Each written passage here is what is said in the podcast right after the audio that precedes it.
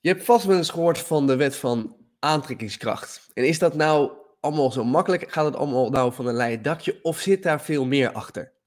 Welkom bij de podcast The Road to Passion. De podcast die niet gaat over het succes wat mensen behalen, maar meer over de weg ernaartoe. Over de obstakels die mensen overwinnen, over de uitdagingen die ze aangaan en soms over de moeilijke keuzes die ze maken. En ik heb vandaag uh, te gast Rihanna Toussaint en zij heeft uh, in de beginjaren carrière gemaakt in betaalde voetbal. Maar is in 2012 haar eigen business gestart in Ibiza. En woont daar inmiddels 70% van de tijd. En zij heeft daar ook een prachtige filosofie en visie eigenlijk ontwikkeld over hoe je nou dromen najaagt. Hoe je ze ten eerste vorm geeft en hoe je ze na, najaagt. En met name met elkaar in een, in een, nee, in een, in een mooie community, hoe je elkaar onwijs kan helpen. Dus we gaan het daarover hebben, over alle obstakels die zij heeft meegemaakt. En misschien ook wel over hoe, hoe het is op, wonen op zo'n eiland. Um, kortom, genoeg stof om over te praten. Welkom bij The Road to Passion.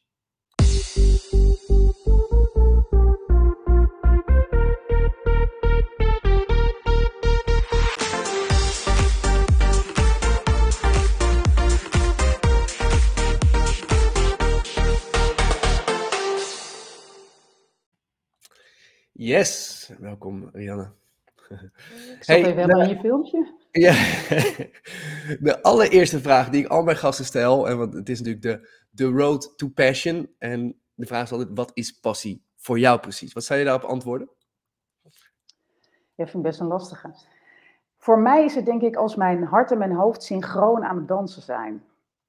Mm. En dat dat eigenlijk, um, uh, op het moment namelijk dat dat synchroon is, schakelt voor een deel mijn hart, het denken in mijn hoofd uit. Dus dan ontstaat er een soort stukje lichtheid. Weet je, als je heel lang, ik rook niet, maar ik kan me voorstellen dat als ik een sigaret rook, dan wordt het een beetje licht in mijn hoofd. Mm -hmm. uh, als je een huisje neemt. En dat, uh, dat is voor mij passie. Iets doen um, wat een beetje spannend is en het toch doen. En, en daardoor eigenlijk je, die, alles wat je in je hoofd denkt uitschakelen, maar het, het gewoon doen, want het voelt goed. Ja, oké. Okay, dus dat, dus, denk dus, ik. Dus dat je, dat, dat je denken eigenlijk, dat je wordt uitgeschakeld omdat het gevoel zo sterk is dat je er niet meer per se over moet nadenken, maar dat je het gewoon die natuurlijke neiging voelt om ermee iets te gaan doen. Ja. Dat is wat je zegt. Ja. Wat cool. En, en was het eerst, kun je dat nog herinneren? Misschien het eerste moment dat dat gebeurde, dat je merkte, hé, hey, ik overstijg nu mijn denken. En, en, en er, er, er staat iets te doen hier. Um, nou ja, wat het eerste wat me te binnen schiet, en dat is zeker niet. Uh, maar dat, dat, is gewoon het eerste wat me te binnen schiet, is ja. dat uh, ten tijde van, uh, van corona ik de allerlaatste corona-vlucht naar Spanje nam, waarbij iedereen me voor gek verklaarde, omdat wij in Nederland toen nog een vrij um, mild coronabeleid hadden. En in Spanje um, echt, uh, echt een, een zero tolerance, een mega streng, totale lockdown. Uh, maar ik ben gegaan en ik ben uh, dus naar Ibiza, naar ons huis gegaan. En je moet je voorstellen, wij wonen op een berg, um, midden in de natuur. En um, ik ben daarheen gegaan. Ik wist gewoon dat ik dat moest doen.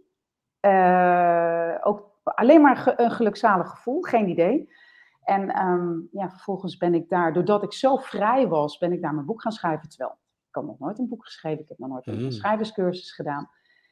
Dus passie leidt wel, het volgen van passie leidt in veel gevallen wel, in mijn geval dan, tot succes. Mm. Dat is wel een prachtig voorbeeld inderdaad, dat je gewoon merkt, ik, ik, moet in dat vliegtuig zitten en ik weet nog niet eens wat ik daar nou ga doen, maar nee. dat, was, dat was de aanleiding. En alleen, om... ook helemaal okay. alleen, weet je, ja. ja. En ik, ik kon daar natuurlijk ook met niemand afspreken, want je mocht niet naar buiten. Um, nou deed ik dat natuurlijk wel, want ook dat is passie. Als mensen mm -hmm. zeggen dat ik iets niet mag doen, dan, uh, mm -hmm. ja, dan ontstaat er iets in mij. Maar ja, dat is denk ik, het, dat is het eerste. En, en, dus op dat moment was ik zo vrij in mijn denken en in, in voelen. Ja, het is heel, heel bizar, maar dat is wel wat er gebeurde. Ja, ja dat kan, kan, kan me wel voorstellen, ja. hey, en zijn er momenten, want, want je hebt natuurlijk een, een, een je bent ergens gestart, hè, met een carrière. De meeste mensen die, die moeten eerst een eerste berg overwinnen. De berg van uh, soms status, soms geld, soms macht, soms, soms, nou ja, een bepaalde functie. Om vervolgens erachter te komen dat dat niet misschien helemaal de juiste berg is. En dat er eigenlijk een tweede berg is. Een berg van voldoening, uh, zingeving, uh, energie, bijdrage. maar goed, dan moeten ze vaak de eerste berg weer af. Heb jij ook zo'n zo'n zo'n curve meegemaakt in je, in, in, ja, in je loopbaan of in je, in je leven? Dat je zegt, oké, eerste, eerste berg, daar zit ik op, maar dit is niet mijn berg. Ehm, ja, dat was. Uh, nou ja, ik denk dat je een beetje doelt misschien op mijn uh, betaald voetbalcarrière. Ik ben dus eigenlijk een ex-voetbalvrouw. Mhm. Dan denken heel veel mensen dat ik getrouwd ben geweest of zo met een voetballer. Nou, het tegendeel is waar. Uh, ah, amateurvoetballer, dat wel. Maar um, nee, ja, ik denk dat. Um, kijk, een berg voor mij was heel lang carrière maken, succesvol zijn, inderdaad status. Um, eigenlijk alles wat met ego te maken heeft. Maar dat realiseer je achteraf. En uh, toen ik eenmaal die, uh, die voetbalberg aan de top van die voetbalberg stond, realiseerde ik me dat ik, ik genoot niet van het uitzicht. Ik, ik, ik, had niet, ik had ook niet de mensen om me heen met, met wie ik überhaupt dat kon delen. Ik, was eigenlijk, ik stond op de, op de voor mij meest ongelukkige berg ooit. en wat dat uiteindelijk, de, de keuzes die ik daarna heb, gema heb gemaakt, hebben eigenlijk mij het inzicht gegeven dat het, het gaat helemaal niet om die berg. Het gaat om de eerste stap die je zet. Zolang je je focust op die berg, uh, focus je op uh, de onmogelijkheden. Namelijk, het is zo zwaar, ik moet nog zo ver. Zij zijn al daar en ik ben nog maar hier, kan ik nooit meer inhalen, noem maar op. Dus het niet focussen op de berg, maar het focussen op ja, de eerste stap die je kan doen. En, um, en dat klein, iedere dag kleine stapjes leiden tot groot succes. Um, dat heeft mij ongelooflijk veel gebracht. En ik realiseerde ook dat dat beklimmen van die eerste berg, die betaald voetbalberg om even zo te zeggen, dat dat voor mij een beklimming als een soort Mount Everest was geweest. Dat heeft zoveel van mij gevergd en gevraagd, dat ik dacht, maar dat wil ik nooit meer. Ik heb helemaal niet genoten van de reis. Mm. Dus, maar ik ben die berg knijter dankbaar, want mhm. het heeft me zoveel inzichten gegeven. Mhm. En, en als je zegt van het heeft me heel veel gekost, hè, die, die, die reis. En ik zie dat ook om me heen. Mensen die hard bezig zijn om die, die berg op te komen. En, en, en, ik denk dat mensen nu wel begrijpen wat die eerste berg dan is. Hè? Dus wat, wat, waar merkte jij dat dit je veel kostte dan? Dat, wat vergde het van jou? Wat was de prijs die je betaalde van, van beklimmen? Um, ja, gewoon altijd moe zijn. Hmm. Altijd aan het werk zijn. Kort lontje hebben. Weinig tijd voor mijn gezin. Veel dingen te veel vinden. Uh, ja, gewoon je, je levenslust die eigenlijk min of meer verdwijnt, doordat je altijd. Dat, je legt op een gegeven moment een grotere verantwoordelijkheid en loyaliteit naar je status. Want laten we daar even heel eerlijk in zijn. Mensen zeggen altijd: nee, ik moet voor mijn werk dit, moet voor mijn werk dat. Nee, dat doe je voor je status. Want je mm. wil niet op maandag moeten zeggen dat je iets niet gedaan hebt, of dat iets niet lukt, of dat je. Um, ja, weet je, het, het heeft te maken met um, uh, groei en, en maar zakelijke groei. En ik richt me nu veel meer op persoonlijke groei. En daarmee komt mijn zakelijke groei bijna vanzelf. Hmm. Ja, dat is natuurlijk wel een ding, want je hoort dat heel vaak. Van ja, ik moet naar mijn werk, of ik moet naar die meeting, of ik moet. En inderdaad, het gaat altijd over, de, over het ego eigenlijk. Ja, en, en dat is dus voer voor burn-out. Want als jij hmm. heel hard werkt, uh, jouw omgeving um, ziet dat je een bepaalde productie levert. Mm ondanks dat het een strategisch, het is, je, je, je, jij krijgt iets voor elkaar. Ze hebben geen idee hoeveel moeite, effort en, en het benutten van mannelijke energie daarin zit. En, um, en dat blijft dus ook van je verwacht worden. Sterker nog, mensen willen altijd dat het nog meer, nog groter en nog. Dus er wordt op een gegeven moment onevenredig veel van je verwacht, ook vooral vaak door jezelf, omdat we vaak heel perfectionistisch zijn. En um, op het moment dat je, uh, als het gaat om het ego, wij willen ook dan dat er steeds toch op een bepaalde manier dan naar ons gekeken wordt. Van, oh, dat doet ze ook nog, of dat kan hij ook nog, of oh, dat heeft hij voor elkaar gekregen. Of nou, oh, dan is hij daar ook weer bij. Oh, hij kent ook die. Of, snap je? En, en uh, vanuit, dat is dus een berg die ik uh, met ongelooflijk veel plezier. Uh, uh, ik ben op bij wijze spreken op mijn rug gaan liggen en ik heb me naar beneden laten rollen en ik heb daar zo van genoten. Dat ik, maar daar moest ik wel heel. Dat is een enorm proces van loslaten, Frank. Want dat betekende ook. Wat ik allemaal achterliet op die berg was mijn salaris, dat was mijn auto, dat was mijn netwerk, dat was mijn, mijn aanzien, dat was mijn imago, dat was Ehm, alleen al het feit als er op een verjaardagsfeestje aan mij gevraagd werd: wat doe jij? En ik vertelde dat, dan hing iedereen aan mijn lippen. En dat moet je allemaal loslaten. En dat heeft vaak, dat heeft vaak de meeste tijd nodig. Ja. Ja, dus eigenlijk wat ik je ook hoor zeggen is dat ehm, doordat we zo hard werken en aan alles proberen te voldoen, dat er ook nog verwachtingen ontstaan en dan wordt het alleen maar groter. En dan wordt dus die, die, eigenlijk die zwaar, of die last om het los te laten nog wel groter, want je hebt nog meer te verliezen en er nog meer, mensen hebben een beeld van jou gecreëerd. En, ja, en dat vind ik dus het interessante, precies dat punt. Op het moment dat je aan de top van een berg staat, je hebt eigenlijk het voor elkaar, en dan het loslaten. Dat is een heel proces. Wat was het eerste signaal dat jij merkte: oké, volgens mij moet, moet ik die berg zeg maar, naar beneden ingaan? Wat was het moment? Of de, ja. Weet je dat nog? Nou, ik, het is gewoon een opeenstapeling. Ja. Het is uh, op een gegeven moment. Um, nou, wat een heel duidelijk signaal was, is dat ik uh, om naar uh, mijn werk te gaan. Je moet je voorstellen, op binnen het betaalde voetbal, op een gegeven moment had ik een. nou ja. Wij zaten in een. Ik in mijn eentje eigenlijk, maar dan wel op een gegeven moment met, een, met twee mensen die mij hielpen. Um, want mijn compagnon zat heel veel in het buitenland op een monumentale villa midden, midden op de green in de buurt van Zeist. Want ja, hey, voetbal. Dus wij mhm. zaten op een golfterrein, midden op een golfterrein, midden op de green, in een monumentale villa. en dat ik, uh, A, dat ik dacht, het is belachelijk, zoveel ruimte, zo groot, zoveel, zo, oh, dat. En, het, en, en ik denk, het allerbelangrijkste signaal was dat om daar te komen, uh, moest ik vanuit het dorp waar ik toen woonde, uh, de snelweg op rijden en dan kon je zeg maar twee kanten op. Uh, en, en ik moest altijd naar links. Maar ik, ik kon op een gegeven moment dat stuur bijna, dat ik dacht ik wil naar rechts, het maakt me niet uit wat daar is, maar ik wil gewoon niet naar links. Weet je wel, dat, dat, ik, dat ik in de auto en dat ik merkte ook dat ik zo'n bal in mijn maag kreeg en dat ik, ja, nou ja, op een gegeven moment uh, leef je voor je weekenden. En, mm. en dat, dat, dat kan natuurlijk niet de bedoeling zijn. Nee, en moe, heel moe, heel... Ja, ik, ik, ik voel mezelf ook echt een oude zeur worden. Ik werd er echt niet leuker van. Ja, ja bijzonder. Dus, dus, dus daar merkte je het. En wat gaat er dan in je... Als we even het vergrootglas leggen op dat proces van dat loslaten. En dus je zei, ik, ik ben op een gegeven moment die berg afgegleden. Gewoon, ik ben achterover gaan liggen en wat betekent dat, zeg maar, in de, in de, in de praktijk? Wat, wat, wat deed je dan? Wat, liet je het gewoon in één keer vallen? Was het een soort fase waar je in ging? Hoe, hoe, hoe kwam je er weer los van?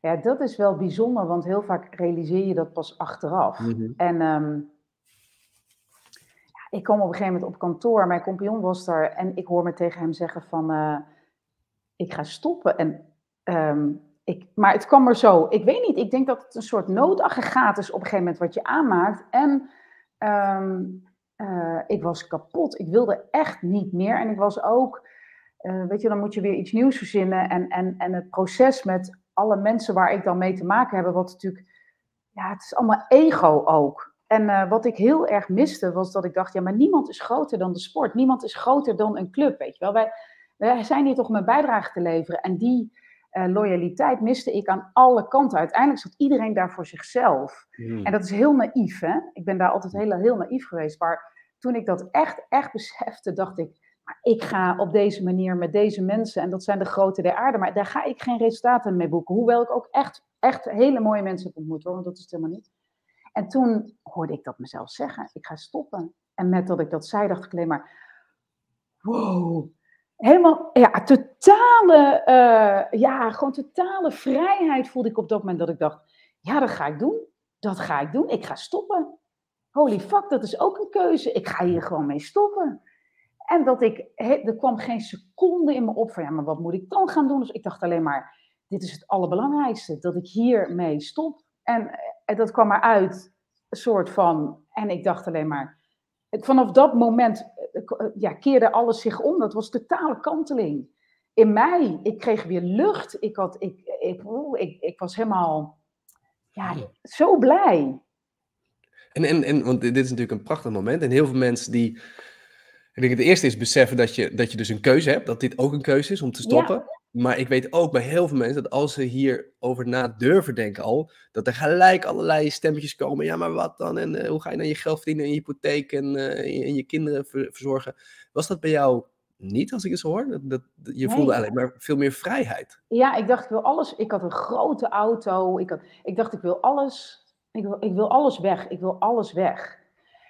Ehm, en bij mij was het juist de uitdaging dat ik dacht van, ehm, eh, ik, ik wil blijven doen voor een deel wat ik deed. Hè, in de zin van de manier waarop ik leef. Voor, samen met mijn man voor het gezin zorgen. En dan moet ik wel heel eerlijk bekennen, ik ben natuurlijk niet alleen. Hè, en dat scheelt enorm. Kijk, als ik een alleenstaande moeder was geweest, was het natuurlijk voor een deel wel anders geweest. Had ik de keuze ook gemaakt hoor. Ehm, maar was ik daarna sneller in de versnelling gegaan om, uh, zeg maar, ja, om, om geld te verdienen. Mhm. Wat ik daarna wel meteen heb gedaan, maar op een veel rustiger manier. Ehm, maar nee, ik, ik had alleen maar dat ik enorme vrijheid voelde. En alleen maar dacht, wow, wat, wat hoor ik mezelf dit zeggen? Nou ja, weet je, helemaal zo van, ja inderdaad, dit is wat ik te doen heb. Er zat ook geen, er zat niets meer op, daar zat ook niets op qua twijfel. Alleen maar dat ik alleen maar dacht, oh, ja, dit moet ik doen. Dit is echt wat ik te doen heb. En, en, en, en het mooie is, weet je Frank, je kunt met zoveel minder toe dan je denkt. En dat heb ik mm. drie jaar lang gedaan. Gewoon niets gekocht. Ik had ook geen auto meer. Ik kocht geen kleding. Ik kocht niets, niets, niets. Het enige geld wat ik verdiende ging in coaching en persoonlijke ontwikkeling. Mm.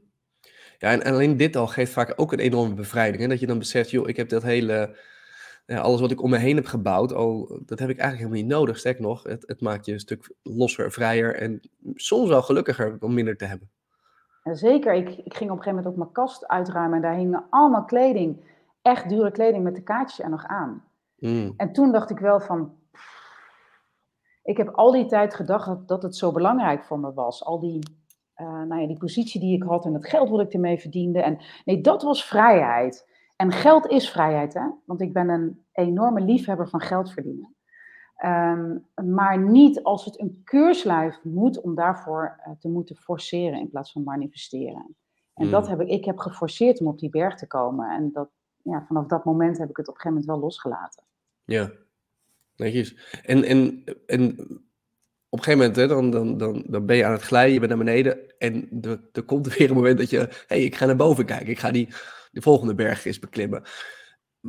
Hoe kwam het idee van jouw eerste business? En volgens mij was dat uh, uh, met name vastgoed in Ibiza, klopt dat? Nee, ik ben eerst nog begonnen met All Saints. Um, En dat is zeg maar nou ja, de Engelse vertaling van mijn achternaam. Mm En ben ik social media, zeg maar nieuwe media en marketingadvies gaan geven aan bedrijven. Um, en wat ik ook al tegen jou net zei in het voorgesprek, um, keuzes maken uh, kijk, dat was op zich geen, geen, niet per se de juiste keuze om te doen. Mm -hmm. maar het heeft me wel heel veel inzicht gegeven. Want wat er gebeurde, is dat ik ging werken voor bedrijven op het gebied van marketing, nieuwe media. Um, en daarvoor was ik eigenlijk al heel ondernemend geweest. Ik had, ik had alle ruimtes. Dat, ik heb dat, dat, zeg maar, dat bedrijf, League of Experience, en daarvoor werkte ik natuurlijk al in betaalde voetbal, League of Experience, opgericht. Uh, en daar had ik helemaal carte blanche. Dus daar was ik eigenlijk al ondernemer. Um, en um, ik merkte dat door All Saints, dat ik tot een heel belangrijk besef kwam, is dat ik helemaal niet kan werken in opdracht, joh. Hmm. Dat kan ik helemaal niet. Hmm. Want uh, hoe ondernemend is dat, werken in opdracht? Dus een marketingopdracht uitvoeren um, en dat het uiteindelijk een soort concessiebeleid wordt. Waar ik, ik ben helemaal niet van de concessies. Mm dus dat was een heel mooi inzicht. Dus daar ben ik uh, na anderhalf jaar mee gestopt, omdat ik dacht, dat moet ik die opdrachtgevers niet aandoen. Want ik werd op een gegeven moment ook een pain in the ass, want ik bleef maar zeggen, nee, dat moet spannender, dat kan sexier, dat moet gewoon, je wilt toch dat er over je gesproken wordt. Dat kan, um, en uh, dat, dat, dat, dat paste toen niet meer. Dus toen dacht ik, dit moet ik niet doen. Dus toen ben ik daar gewoon wel mee gestopt, dacht ik. En dat was ook weer een bevrijding. Ook niet wetende van wat ik daarna dan ging doen. Um, maar wel dat ik dacht van ja, dit is, dit is het niet. Maar dat heeft een bijzonder belangrijk inzicht. Hmm. En dat je heel snel krijgt, als je in opdracht werkt, dat je het uurtje factuurtje. Uh, hè, dus het is of een project, maar er wordt toch vaak gezegd: ja, maar hoe lang ben je hier dan mee bezig geweest? Of hoe lang, hmm. snap je? Het wordt altijd. Dus ik dacht: dit is helemaal niet schaalbaar. Ik wil dit niet. Ehm, dus dat zijn hele belangrijke ingrediënten geweest voor mijn latere business. Super belangrijk. Dat zijn eigenlijk, zo ben ik gekomen tot mijn kernwaarden. Dus een keuze hoeft niet altijd de juiste keuze te zijn. nou ja, je, maakt de keuze op basis van de informatie die je dan hebt. En dan achteraf leer je weer van die keuze. En, dan, en wat, ik denk, wat, hè, wat ik altijd bij, bij mensen die bij mij komen, is altijd een belangrijke vraag. Goh, wat mis je dan nu? En dat was dus een prachtig moment waar jij besefte. hey, ik mis eigenlijk die vrijheid zoals jij wil definiëren. En, en niet te hoeven verantwoorden over de uurtjes. Nee, ik wil gewoon een, een top, iets tops neerzetten. Zonder, zonder belemmeringen, zonder beperkingen, zonder restricties. En, en toen was er voor jou eigenlijk maar één weg dan, hè? Ja, en dat is natuurlijk helemaal gewoon voor jezelf, uh, gewoon met de billen bloot en helemaal voor jezelf gewoon gaan en dan, dan zelf maar aandurven. Ja. ja. En wat, wat, wat, was het, wat was het, hoe kwam je toen op het volgende idee? Want ik, het is wel interessant, omdat het hele ideeproces is bij langs gaan. Hoe kwam je toen tot nou ja, je, je volgende business volgens mij? Want dat was een volgend business idee. Nou, wij, hadden in, uh, wij hebben in uh, 2012 dus ons huis gekocht op Ibiza. En uh, dat was eigenlijk net ook in die transitie ook wel dat ik natuurlijk All Saint aan het loslaten was. En toen dacht ik, nou, mevrouw de marketeer, ondernemer, ga hier dan maar eens een concept van maken. Dus toen ben ik begonnen met, um, um, nou ja, wij hadden dus dat huis op Ibiza. En toen ben ik begonnen met uh, simpelweg een community te bouwen door tips te delen over Ibiza. Nou, ben ik ook weer van teruggekomen, ook weer een les, maar maakt niet uit. Zo heb ik wel in hele snelle tijd uh, via social media een grote community opgebouwd. Mensen die van Ibiza houden, die, nou ja, dat soort, gewoon echt een leuke doelgroep wel. Mm -hmm. um, een deel daarvan. En uh, toen dacht ik, oké, dat staat, maar, wat is dan het doel daarmee? En toen dacht ik, ja, weet je, ik wil, ik wil deze mensen helpen. Dus ik ging um, allerlei mensen benaderen die een villa hadden op Ibiza en die dat wilden verhuren. Ik ging de allerbeste autoverhuurder op het eiland benaderen. Ik ging een onwijs toffe Belg benaderen die, die boten verhuurde. Dus ik ging heel erg op zoek. Ik ging eigenlijk rondrijden, rondlopen, ronddwalen op dat eiland om gewoon het beste netwerk op te bouwen. En vanuit dat netwerk samen business op te bouwen. En dat ben ik gaan doen. En dat is natuurlijk uiteindelijk uh, in eerste instantie Ibiza Dances geworden. Um, en wat ik net zei, ook dat is dus weer. Op een gegeven moment stond ik boven aan die berg en toen dacht ik: oké, nou, nou Bijder, je hebt een groot, uh, uh, groot netwerk, dat is wat je wilde. Maar, Frank, 95% van die mensen wilden alleen maar mijn gratis tips. Mm-hmm. Sterker nog, die vroegen dan aan mij, die gingen mij op de meest gare tijden opbellen. En die zeiden, ja, we zijn onze autosleutels verloren, wat kunnen we nu doen? Mind you, hadden geen auto via mij gehuurd. Mm. Dus toen dacht ik, oké, okay, mijn positionering is niet de goede. En ik mm-hmm. trek een verkeerde doelgroep aan door toch te veel. Je, ik geloof eigenlijk overigens niet in te veel gratis weggeven, maar wel op de verkeerde manier. Ja. Dus toen dacht ik, dit moet ik anders gaan doen. En uh, toen is eigenlijk, um, en dat was denk ik een jaar of drie geleden, en daarmee is eigenlijk Dream Chasers Lab geboren. Oké. Okay. En dat is dan een, een, een, stapje terug, want, de, de, de, want daar gaan we straks uitgebreid op in, op Dream Chasers. Maar daarvoor zit het ook al iets interessants. Want jij komt daar op dat eiland en je beseft je, oké, okay, ik ga hier iets neerzetten. En wat was het, do het doel van Ibiza Dances? Wat, zat, er een, zat er ook een verdienmodel? Had je daarachter? Of was het echt nou puur, puur om mensen bij elkaar te brengen? Of het, uh, wat was nee, wat ik zei, hè, dus uh, daar zelf een heel hoog netwerk neerzetten of uh, creëren. En vanuit dat netwerk handel creëren. Ja, wat, wat dus, is de handel? Nou, wat ik net zei, auto's, boten, villa's. Ah, oké. Okay. Snap je? Dus ik zorgde dat ik mensen leerde die echt betrouwbaar waren. Ik ging ook echt, ik ga dan ga ik die huizen bekijken. Ik ga kijken of de kwaliteit klopt met de prijzing. Um, ja. Ik ga uh, zelf overal auto's huren en ik kijk gewoon wie levert de beste service. Wie levert, en daar ga ik mee samenwerken. Boten hetzelfde. Snap je? Dus je gaat testen. Um, en dan, dat ga je uiteindelijk aanbieden aan je community. En dat is dus allemaal commissie wat je krijgt. Ja. Dus ik ging een, een, een, mijn verdienmodel was dus die commissies, maar daarnaast organiseerde ik ondernemers-events op het, op het eiland. Ik organiseerde secret dinners, van alles. En dat was, het doel daarvan was voor mij ook om zo snel mogelijk mijn netwerk. Wij kwamen nieuw op dat eiland. Ik wilde een netwerk hebben van uh, leuke mensen. Want ik wilde ook een sociaal netwerk, maar ook een zakelijk netwerk. Omdat ik ga ja. daar niet uit mijn neus zitten te eten. Dus, ja. um, dus het verdienmodel was zeg maar de commissies die ik daaruit kreeg. En mijn eigen events die ik daar organiseerde. Ja, En uh, ja, want, want dit vind ik dus interessant, want ik herken dat ook in, als ik in een ander werelddeel ben, de afgelopen twee jaar in Barcelona, zo snel mogelijk inderdaad een sociaal leven opbouwen. En dan moet je je even, nee, je moet uitreiken. Dat is mijn ervaring in ieder geval. Um, hoe, hoe, jij zei, ik ging gewoon rond het eiland crossen. Maar hoe reik jij uit naar, naar mensen toen der tijd? Wat is, wat, want ja, ik krijg soms, uh, is het zo simpel zijn, zullen een keer een kopje koffie drinken? Of kom jou echt iets brengen? Want ik vind dat heel interessant hoe, hoe mensen daarmee omgaan. En het is jouw geluk, dus blijkbaar deed je iets heel, heel handigs daar. Ja, never, nooit, never, nooit zullen we even een kopje koffie drinken. Precies. Mensen die mij dat sturen, en dat klinkt super, maar ik reageer er al niet meer op. Dat, mhm. Van kopjes koffie drinken kan ik mijn broek niet ophouden en kan diegene die ik benader zijn broek ook niet ophouden. Dus altijd uh, verdiepen in het bedrijf. Dus al zorgen dat ik daar al. Uh, kijk, wat ik altijd doe, is eerst investeren in zo'n bedrijf. Dus producten afnemen, dingen van hen kopen, ervaren hoe het. Als je niet durft te investeren, lieve mensen, ga dan niet ondernemen. Dus soms tot van mijn laatste geld, dat ik dacht van, uh, nou ja, ik, ik ga gewoon, uh, ik ga dat doen, ik ga dat doen. Dus eerst zelf investeren, die boot huren, uh, een villa huren, mensen gaan benaderen, nou ja, noem het allemaal maar op, je nek uitsteken. Um, en vervolgens, ja, waar ik gewoon goed in ben, dat klinkt raar, maar ik vind ook dat we vaker moeten zeggen waar je goed in bent, is heel snel tot een informeel contact komen. Dus erachter komen wie is nou de eigenaar van dit bedrijf. Um, via hem benaderen om iets te huren. Heel vaak zeggen ze dan ook, oh dan moet je even bij mijn collega zijn. Maar dan zeg ik, nou ja goed, super tof, maar mag ik je alvast een compliment geven met je bedrijf? Ik heb, ik heb het hele net afgezocht, maar ik ben bij jou terechtgekomen, ik wil bij jou huren. Weet je, dus dan ben je al die naam, dus je, je bent al een soort warme, warm connectie.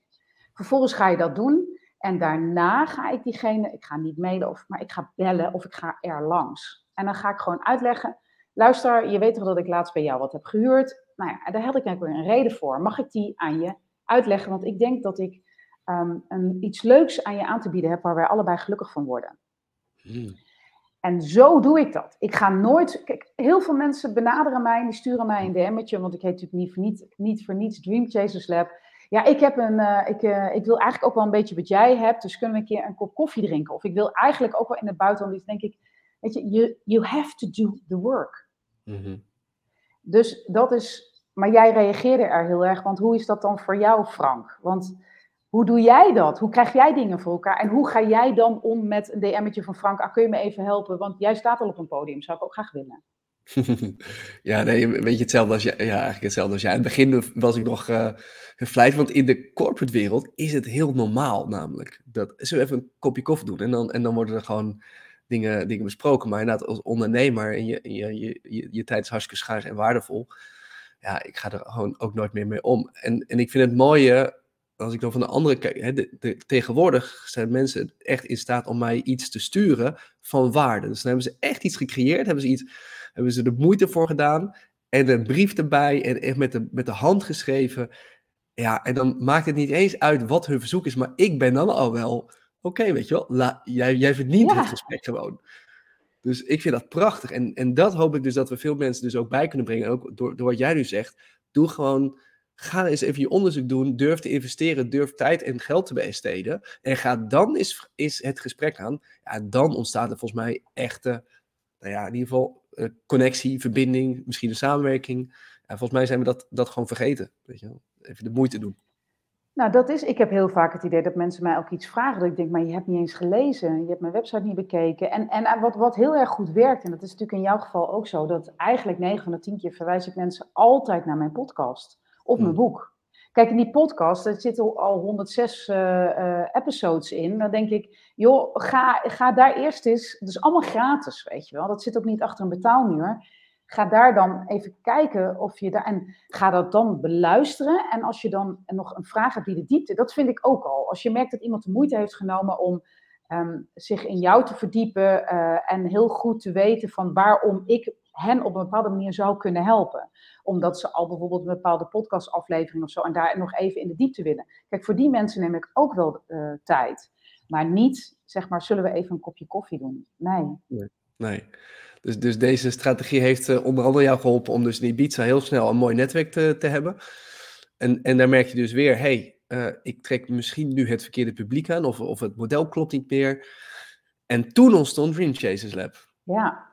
Wat, wat maakte dat je daar opkwam? Vertel je het eerst even wat het Dream Chasers Lab precies is. Maar wat maakte dat je daar dan opkwam na, na, deze, na dit idee weer? Ja, toch weer. Dat ontstaat alleen als je kunt loslaten. Hmm. Uh, dus ja, ik ging Ibiza Dances uh, deels loslaten. Dat ik dacht, oké, okay, dit was al eerder hoor. Dat ik al jaren daarvoor had bedacht, ik ga geen tips meer delen. Geen gratis Ibiza tips. Want ja, die mensen, dat is gewoon niet mijn doelgroep. Um, heel eerlijk, mijn klanten moeten wel budget hebben. Want anders moet ik, een, uh, moet ik vrijwilligerswerk gaan doen. Dat is ook, dat is natuurlijk prachtig. Maar dat kan ik ernaast doen. Ik, ik heb wel mijn broek op te houden. Dus, um, nou ja, en het, en het ontstond eigenlijk bij het begin van, uh, van corona, dat, um, uh, dat ik dacht, oké, ik heb een mooie, ik heb een heel mooie community, maar hoe kan ik dat anders ingaan delen? Want ergens moet er iets anders. En het grappige is, je kunt dan een hele berg gaan bedenken. Dat je denkt, oh, dan moet ik een hele nieuwe community gaan bouwen, en dan moet ik een heel nieuw bedrijf gaan starten. En dan, en dan hoor je, op het moment dat ik dat al zeg, komen er allemaal mits en maar al in je hoofd. En ik ben op een gegeven moment um, heb ik ongelooflijk goed geleerd om uh, me niet meer op die berg te focussen. En um, ik dacht alleen maar, maar wat kan ik nu doen? Oké, het was het begin van corona. Um, en toen dacht ik, ik ga gewoon gratis Zoom-sessies geven, maar hier wel gratis, maar wel voor mensen met een Ibiza-droom. Dus die of een tweede huis op Ibiza wilden kopen, een bedrijf wilden starten op Ibiza. Dus dat zijn al mensen die, in groot, die groot denken. En die ook snappen dat de zon niet voor niks opkomt. En dacht ik, ik ga gewoon gratis Zoom-sessies geven. En als die mensen verder begeleid willen worden, nou ja, dan kunnen ze me daarvoor inhuren. Um, en dat is gebeurd. En op, op een van die Zoom-sessies kwam ik ook iemand tegen die heel erg thuis was in het NLP. En die zei tegen mij, ja, ik heb me een beetje in jou verdiept. En jij hebt dit gedaan, je hebt dat gedaan. Nou, betaald voetbal voor jezelf, een marketingbureau, la la la la. Um, hoe ben je dan tot al die successen gekomen? En toen dacht ik, successen, successen. En toen dacht ik, oh ja, eigenlijk is ja, ik stond wel bovenaan die berg steeds. Ergens, ik, ben, ik heb hem wel succesvol, zeg maar, beklommen. Mhm. En toen dacht ik, ja, ik heb geen idee. En toen zijn we eigenlijk een sessie ingegaan uh, samen. En toen heeft hij eigenlijk heeft hij iedere keer vragen gesteld en heeft hij mij uh, laten praten. En toen zei hij, je doet alles in zes stappen. Zonder dat ik dat dus zelf wist.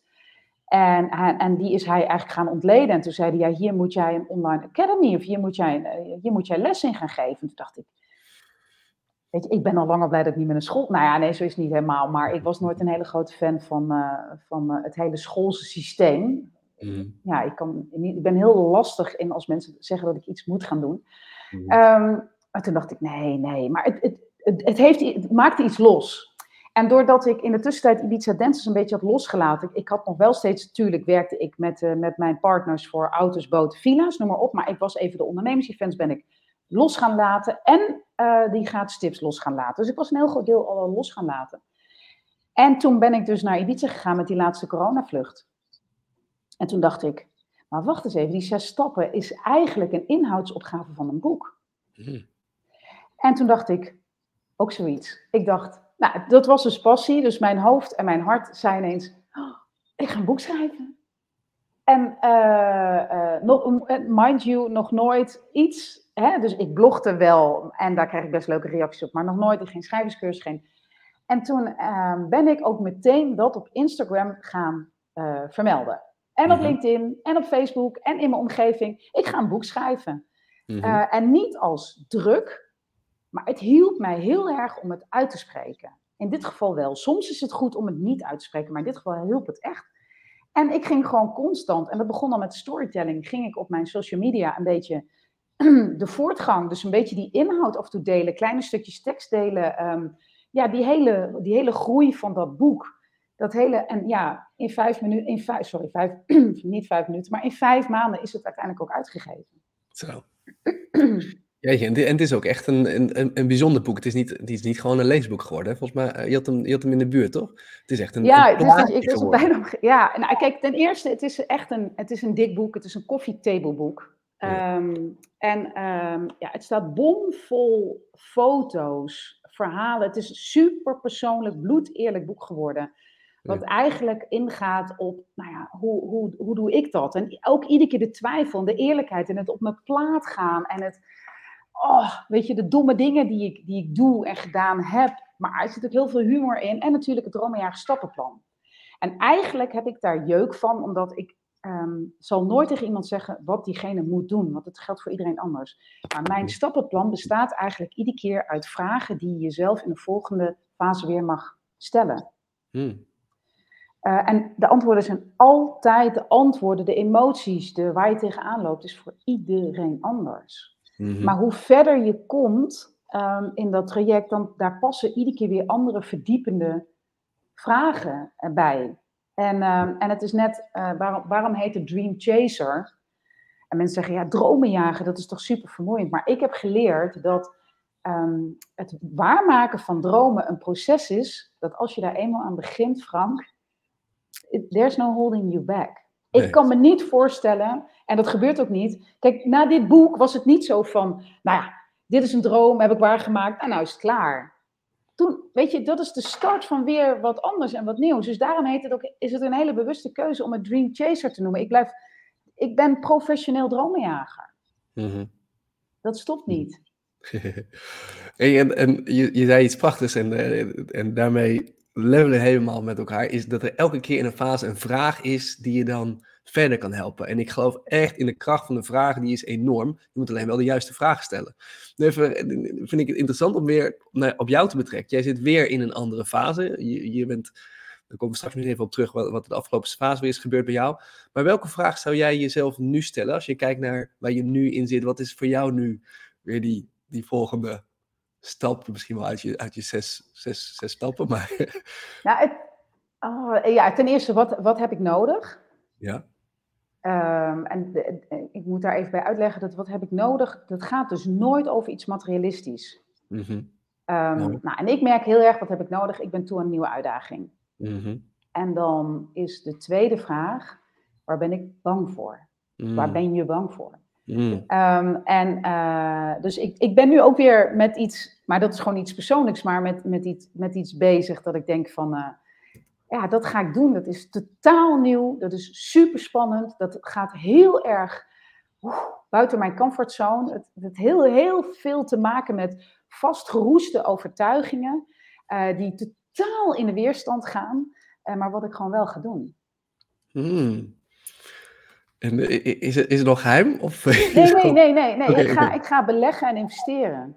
En, uh, en, en het grappige is dat ik, uh, ik heb uh, vorig jaar of anderhalf jaar geleden mijn Money, Money Rocks training afgerond. En ik denk dat jij dat wel herkent. Ik denk dat bijna iedereen die iets van trainingen ontwikkelt of zo, dat dat altijd thema's zijn die voor jezelf heel erg opportun zijn. Ik heb mhm. heel lang gestruggeld met een ongezonde money mindset. En ik ben nog steeds niet uh, ik heb nog steeds geen miljonairs mindset. Nou, nou, dat klinkt ook super materialistisch en ik blijf dat zeggen. Maar ik, dat wil ik uiteindelijk wel. Um, en ik wil daar straks ook even iets over aantippen, over het onderwerp geld. Maar, um, dus ja, wat is dan, dan heel spannend om te gaan doen, is um, om met je uh, geld, uh, kijk, op een gezonde manier, maar op met, met je geld gewoon risico's aan te gaan. En bereid te zijn het gewoon kwijt te raken. Hmm. Ja dus waar ik nu mee bezig ben, is dat ik nog niet aan het beleggen ben, omdat ik vind dat ik wel eerst kennis moet opdoen. Dus wat wil ik? Wil ik beleggen in, in, uh, in crypto? Wil ik beleggen in zilver? Wil ik beleggen in goud? Wil ik beleggen in, in aandelen? In, weet je, en hoe ziet dat er dan uit? Weet je, dus um, daar, daar, daar, ben ik, daar duik ik nu vol in. En dan ga ik, weet je, cursussen in lezen, YouTube.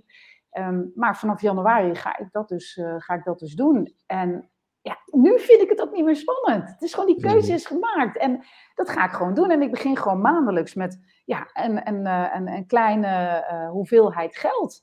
Waarvan ik gewoon nu de keuze heb gemaakt. Als het, als het, als het kwijt is, is het kwijt. Want dat is de enige manier om gezond te beleggen. Weet je, het moet geld zijn wat je kunt missen. Ja. Um, en iedereen zou dat kunnen doen, want, want je kunt het bewijs, of nou ja, nee, niet iedereen, dat is niet waar, maar je kunt al vanaf bewijs spreken 50 of 100 euro in de maand zou je kunnen je beginnen. Ja. ja. Dus ja, ik vind dat, dus dat is iets persoonlijks, maar ik vind ook dat als ik zeg, oké, je bent dream chaser en je, je coacht en begeleidt ondernemers, dan moet je zelf ook in beweging blijven. En dat voelt totaal niet als pressure. Maar dat voelt wel als, ja, dit is wie ik ben, weet je wel. Iedere keer uit je mhm. comfortzone. Mhm.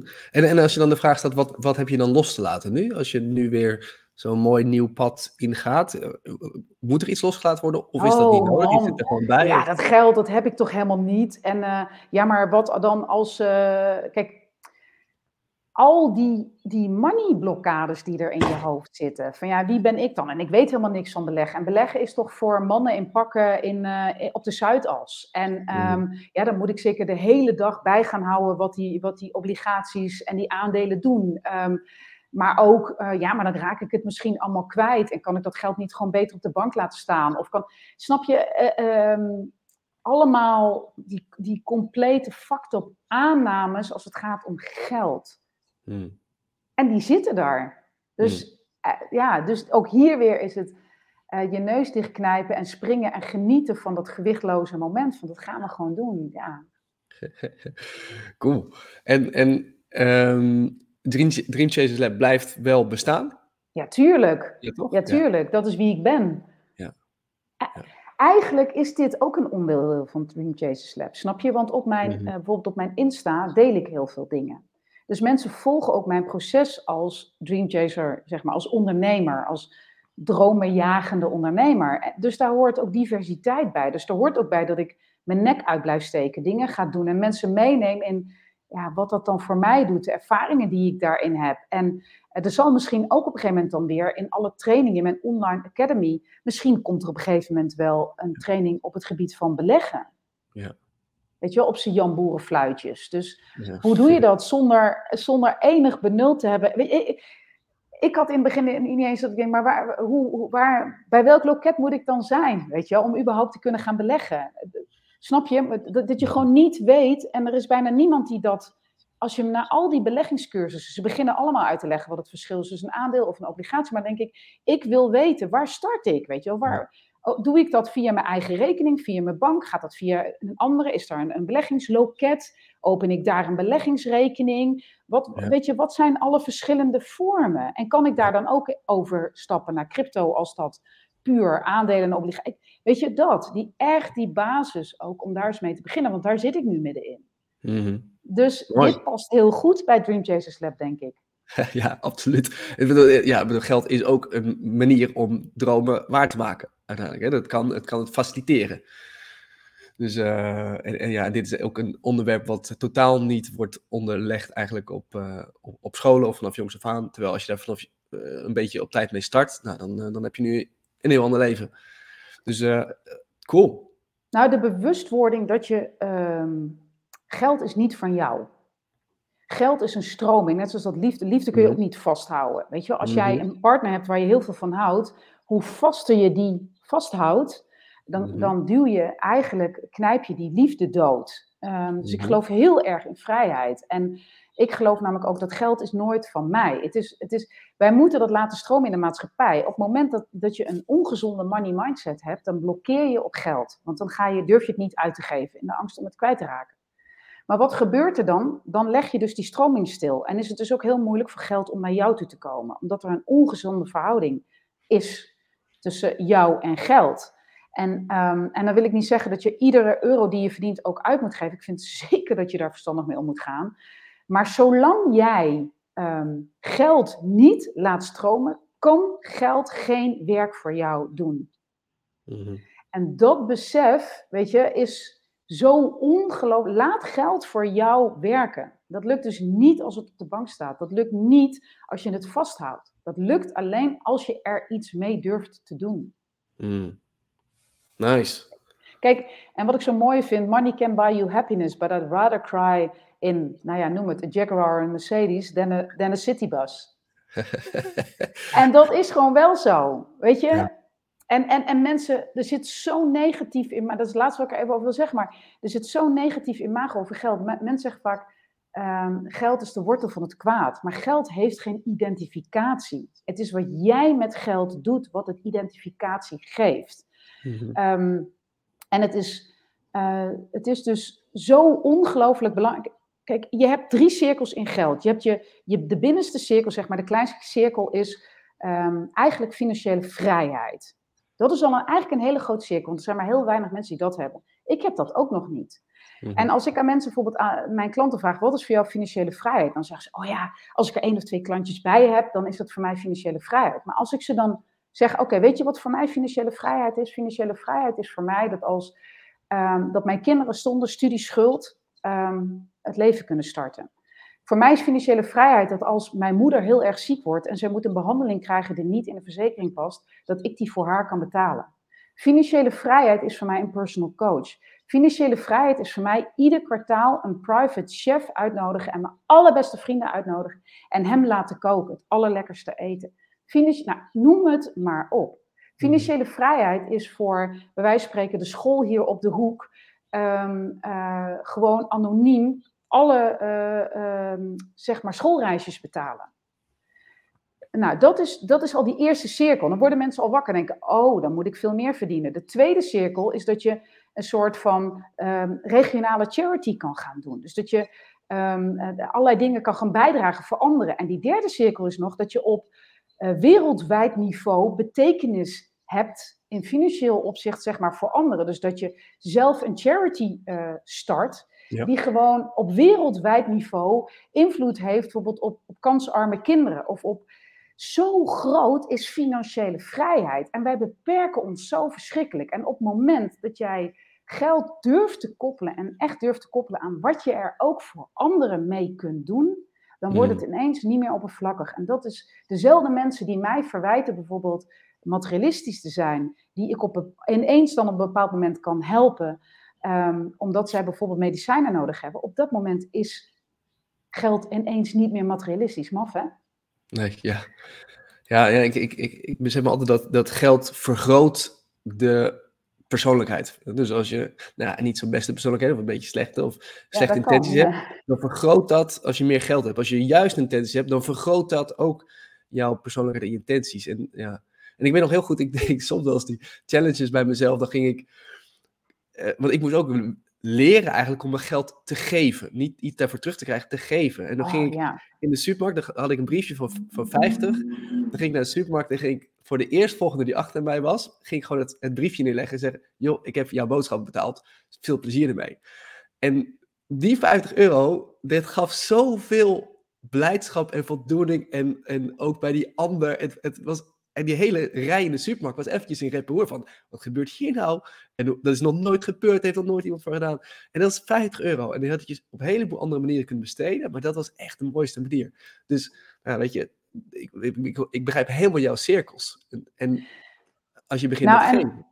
Ja, en ik, um, wat zo ongelooflijk belangrijk is, wat je net aanstipt, is wederkerigheid. Stop met wederkerigheid. Hmm. Ehm, eh, ik merkte dat bijvoorbeeld, uh, uh, ik het heel lang, nou ja, ik denk dat iedereen dat wel herkent. Jij doet altijd je best bijvoorbeeld voor cadeautje voor een ander als iemand jarig is. Nou ben jij jarig en diegene komt met lege handen of die heeft iets heel sus bij zich of zo. Dan ontstaat een soort van lichte teleurstelling. Dat hebben, maar dat heeft alles met wederkerigheid te maken, want die wederkerigheid is een verwachtingspatroon. We hebben allemaal, kijk, stel jij gaat een, een vriend gaat verhuizen, jij gaat hem helpen. Um, en je stelt je auto ter beschikking, je bent aan het sjouwen, nou, die gaat drie hoog achter wonen, dus ook nog al die trappen, noem maar op. Doe dat zonder te verwachten dat diegene jou ook helpt. Dat is namelijk op het moment dat je dat kunt, voorkomt het zoveel teleurstelling. En dat geldt dus ook voor geld. Ik leen nooit mensen geld. Ik geef alleen maar geld. En als ze het uiteindelijk teruggeven, nou, dan vind ik dat alleen maar tof. Doen ze het niet, is het ook oké. Dus het gaat al. Dus ik zeg ook heel vaak nee, want het gaat ook wel eens om bedragen. Wat je van je denkt, ja, dat gaat niet. Want ik ga er gewoon van uit dat ik het je geef.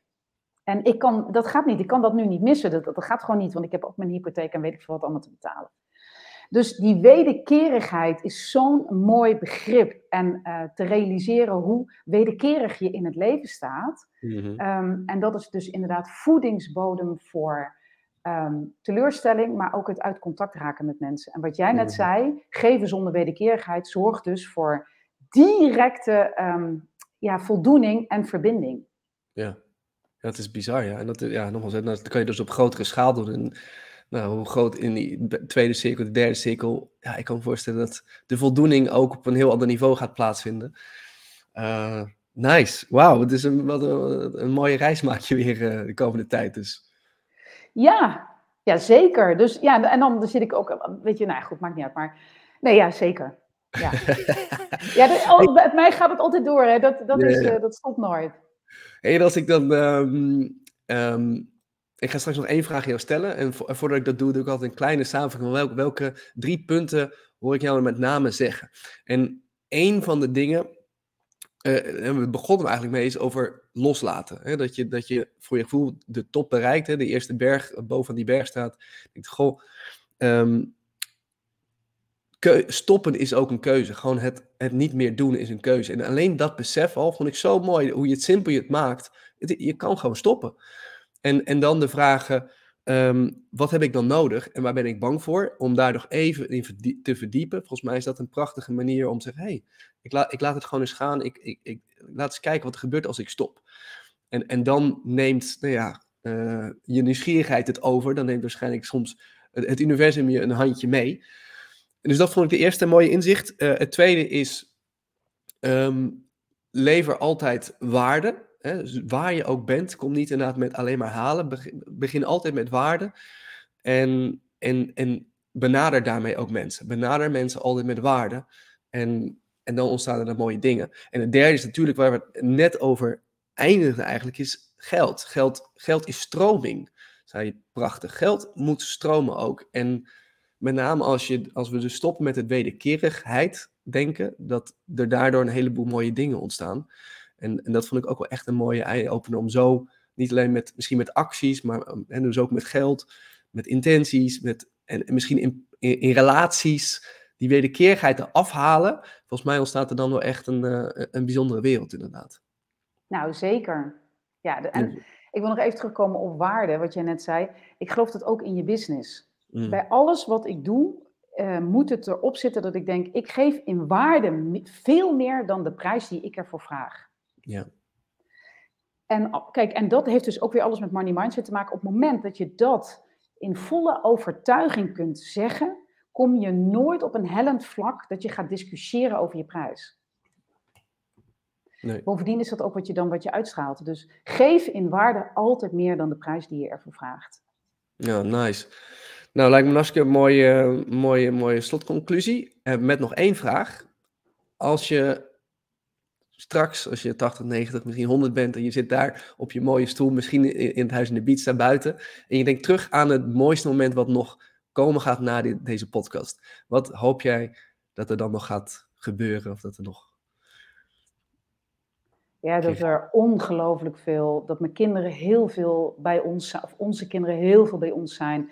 Mm dat we een, mooie vriend, nog meer mooie vriendschappen daar, dat mensen, ehm, dat er nog meer tranen van lachen, um, van verbinding um, en, en alles, al die emoties uit de muren druipt van dat huis. Mm. Uh, en dat we daar uh, ja, ontzettend oud en, en gezond, uh, gezond mogen blijven en heel oud mogen worden. En ja, dat met heel veel mensen mogen delen.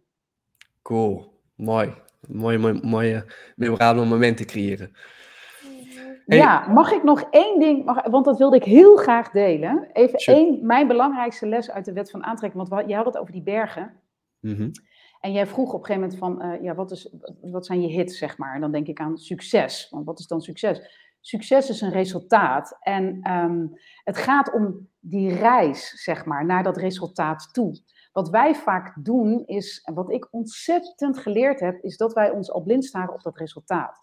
En dat resultaat is nog zo ver weg dat we allemaal saboteurs, saboteurs allemaal de ruimte geven in ons hoofd om die ons gaan vertellen waarom het ons niet gaat lukken. En wat ik iedereen echt, echt mee wil geven, wat voor mij echt mijn golden nugget is, is echt uh, laat de hoe los.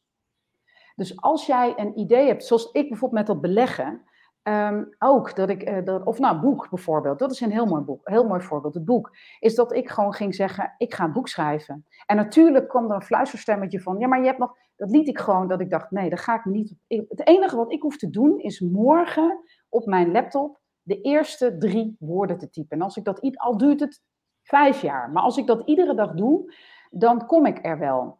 En doordat ik die hoe helemaal heb losgelaten, want mensen vroegen mij van, ga je het dan zelf uitgeven? Weet je wel wat dat kost? Ga je, hoe ga je een uitgever vinden? Ga je dan de schrijverscursus volgen? Ga je... Ik heb dat allemaal langs me, naast me neergelegd en daardoor is dit echt gemanifesteerd. Dat is vanzelf gegaan. En die uitgever is naar mij toegekomen, heeft mij benaderd. En waarom? Omdat ik de hoe losliet en volledig vanuit vrijheid gewoon ging communiceren over het feit dat ik een boek aan het schrijven was. Mm. En dat wil ik iedereen meegeven. Jongens, hou op met op het moment dat er iets in je opkomt waarbij je echt voelt van, oh, dat lijkt me tof. Laat gewoon alleen die koestering maar eens even bestaan. Ga het dus ook nog niet met te veel mensen delen, want die gaan meteen vragen: hoe ga je daar dan geld mee verdienen? Hoe ga je dat dan? Hoe ga je klanten krijgen? Hoe ga je. Stop daarmee. Laat het maar eens ontstaan, want je zult zien dat die hoe gaat naar je toe komen. Zodra je een beetje in actie komt vanuit geïnspireerde actie. Iedere dag een stapje. Laat de hoe voor de langere termijn even los. Ja. we bedenken in ieder geval wat die eerste stap is. Hè? Dus denk niet een hele stappenplan. Eerste actie, ga die eens doen en dan staat wel een tweede actie. Wil je naar het buitenland, ga dan ga daar alvast eens op vakantie. Boek eens een ticket. Een Boek eens een ticket. Ja.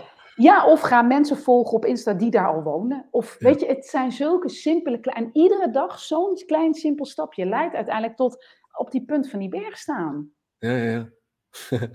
ja, mooi.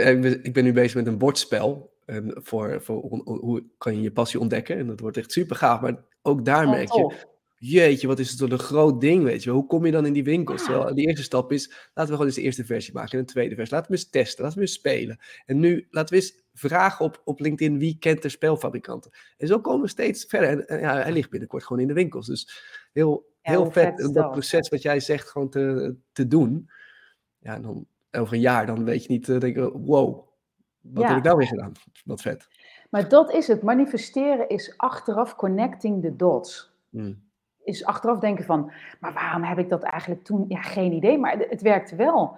Terwijl als je een, een, planning, een hele strakke planning, een strategie en alles maakt, dan was dat nooit daarin gekomen. Snap je? The universe always has a better plan. En ik weet dat ik nu als een zweefteef klink, maar dat is gewoon de ruimte laten aan je hoofd en aan je hart om dingen te laten ontstaan. En daarmee komt gewoon de allerbeste versie, ook bijvoorbeeld van dit bordspel, komt gewoon, dat gaat het levenslicht zien. En niet als je het van tevoren helemaal allemaal, dan moet ik het met die doen, dan moet die het printen, en dan moet die het drukken, en dan moet het daar liggen. Ja. Terwijl er zijn zoveel betere opties. Ja, ja. eens. Cool. Hey, als mensen eh, jou willen volgen op, op Instagram, waar, waar kunnen ze terecht? Dreamchaserslab underscore com. Nou ja, en um, ja, ik een podcast. Als je gewoon naar Spotify en alle andere, dan is het gewoon Dream Chasers Lab podcast. Nou ja, www.dreamchaserslab.com. Nou ja, noem het maar op. Precies. Cool. Nou, daar uh, absoluut uh, mooie verhalen. Als je nu zit te kijken of te luisteren en denkt, goh, ik wil eigenlijk wel weten wat dat eindplaatje dan voor me is, hoe, hoe dat er ongeveer uit zou kunnen zien. Volg mij vooral op Instagram, underscore Frankman underscore, want dan krijg je een purpose werkboek uh, van mij. Dan kun je in ieder geval eens nadenken over hoe dat plaatje eruit zou kunnen zien. En van daaruit maak je dan eerste stappen. Um, dus dat wat betreft uh, de, de social media, mocht je deze podcast nou heel tof vinden, uh, laat vooral een 5 sterren review achter op jouw app. En als je op YouTube kijkt, zet gewoon een like hieronder. Want dat inspireert ons om nog veel meer van dit soort mooie gesprekken aan te gaan. Rianne, onwijs bedankt voor jouw bevlogenheid, de inzichten, de, de, de reis die je hebt afgelegd en de, inzicht, de lessen die dat ons weer leert. Dus onwijs bedankt. Ik hoop snel weer in Ibiza te zijn en dan ga ik wel langskomen als jij er ook bent. Ja, super. Leuk. Je bent welkom. super. Dan zie ik je binnenkort. Ciao, ciao.